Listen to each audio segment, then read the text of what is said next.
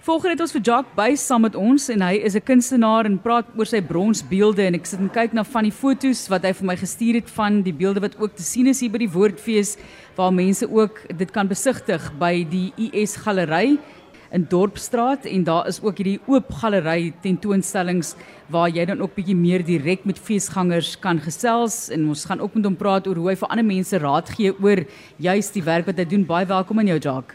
Baie dankie. Uh uh kan jy hoor? Yes. As hy ons het jou, ons het jou Jock. Waar het alles vir jou begin met jou beelde? Ehm um, dis uh dis dis 'n baie lang pad, maar uh ek dink uh, ek moet net sê dat ek het ehm um, geen uh, uh, kunst uh, uh, gestudeerd of geswat nie. Um, ek is basies uh, self geleerd. Maar uh, ek dink ehm um, uh, uh, ek moet erkenning gee aan die ouens wat my gehelp het deur die proses. Ouens soos Dylan Loos wat 'n uh, wat 'n absolute mentor was in my hele uh, opbrengs as kunstenaar. Ehm um, het jy raak gesien hè? Uh, het jou werk raak gesien? Hy het my werk raak gesien en dan uh, my uh, dan genader om ons sê sê uh, soos hulle sê apprentice uh, dan te wees. En uh, ek dink my my ehm um, uh, storie het het het baie baie vroeër begin as as kind. Ehm um, het ehm um, oupa het altyd die kinders grootgemaak. En ek onthou as klein kind het my ma my gevat uh na na my ouma toe. En uh op daai stadium was my oupa hy was 'n uh, 'n uh, um, 'n meubelmaker.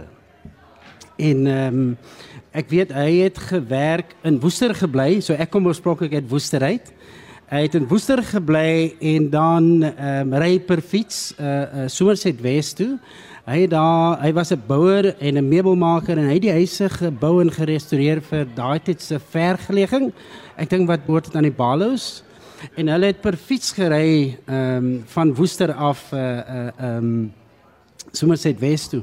En in die winter wanneer die bouwerk nou minder was, het hy dan nou ehm um, die uh meubels gemaak. En ek onthou as kind het ek gesit en ehm um, dan kyk ek uh, hoe hy die kerfwerk doen op die mooi stoele en en en uh, dit het my absoluut gefascineer.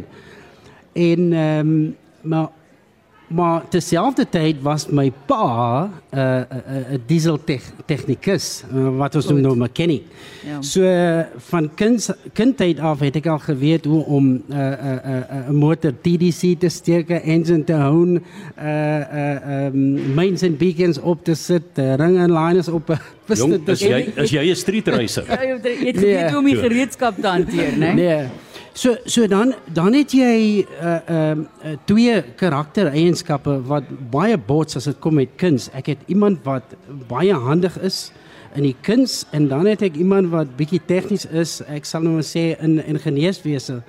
En ehm um, maar dit het my inspireer om om om om om in die kuns te gaan, maar dit het my in baie aspekte het dit my agtergehou. Eh, deur die feit dat ek kon nie my ehm um, oorspronklikheid in die kuns kon ek nie vind nie. Want of dit was in die in die hout en die kerf of dit was in die ingenieurswese.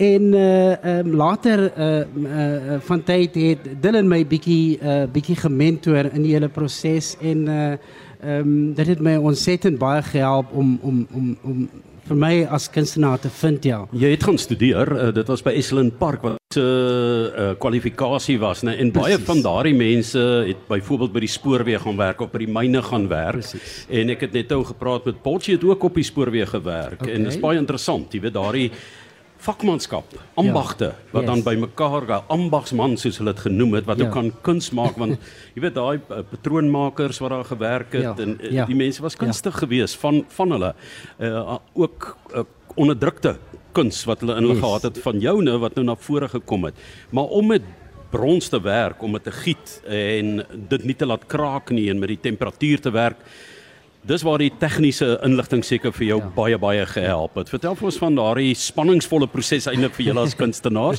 Eers moet jy 'n mooi ding maak. Jy weet ont in jou kop en dan moet daai ding gegiet word. Ja. En dan kan hy baie lelik lyk as jy 'n fout maak. Ehm um, ek ek moet sê dat ehm um, ek het 'n eh, ek het ehm um, wat eh uh, ehm um, jy dan jou prakties doen by Saldanha of daai tyd se IDE. labor intensief, uh, uh, arbeidsintensief.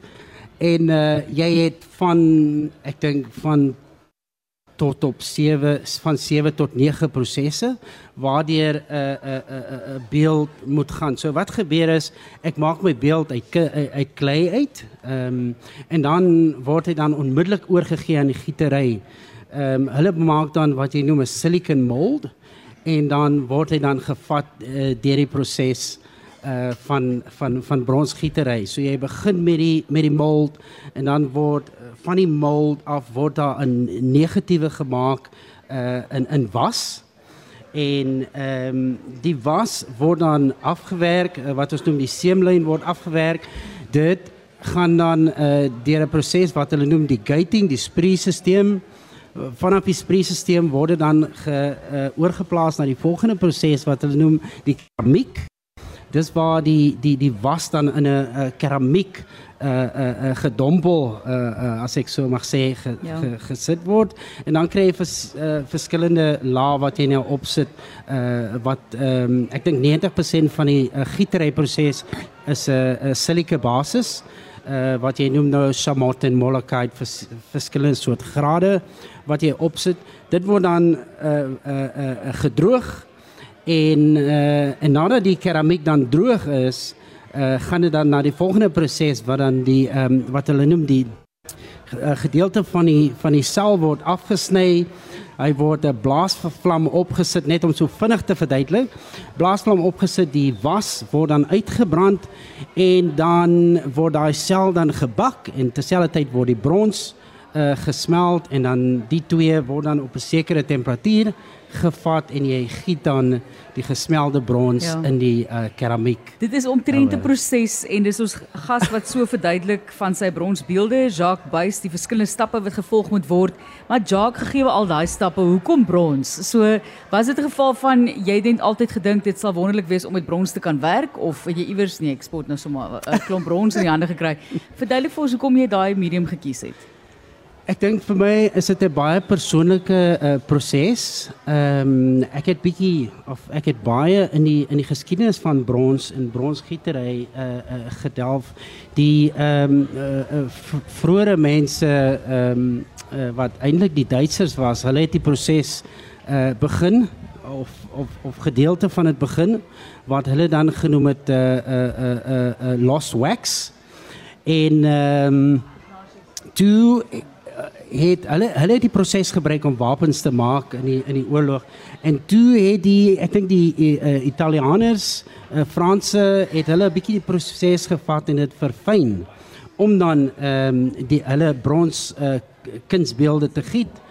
En uh uh ehm um, hulle het dit toegenoem uh uh wat jy noem uh, in in in Frans 'n sirepertu wat dan lost waxes en ook investment casting is en uh ehm um, ek dink 'n bronsbeeld kan hy kan vir ewig hou. Ek dink die oudste bronsbeeld wat hulle gekry het was oor die 7000 jaar oud.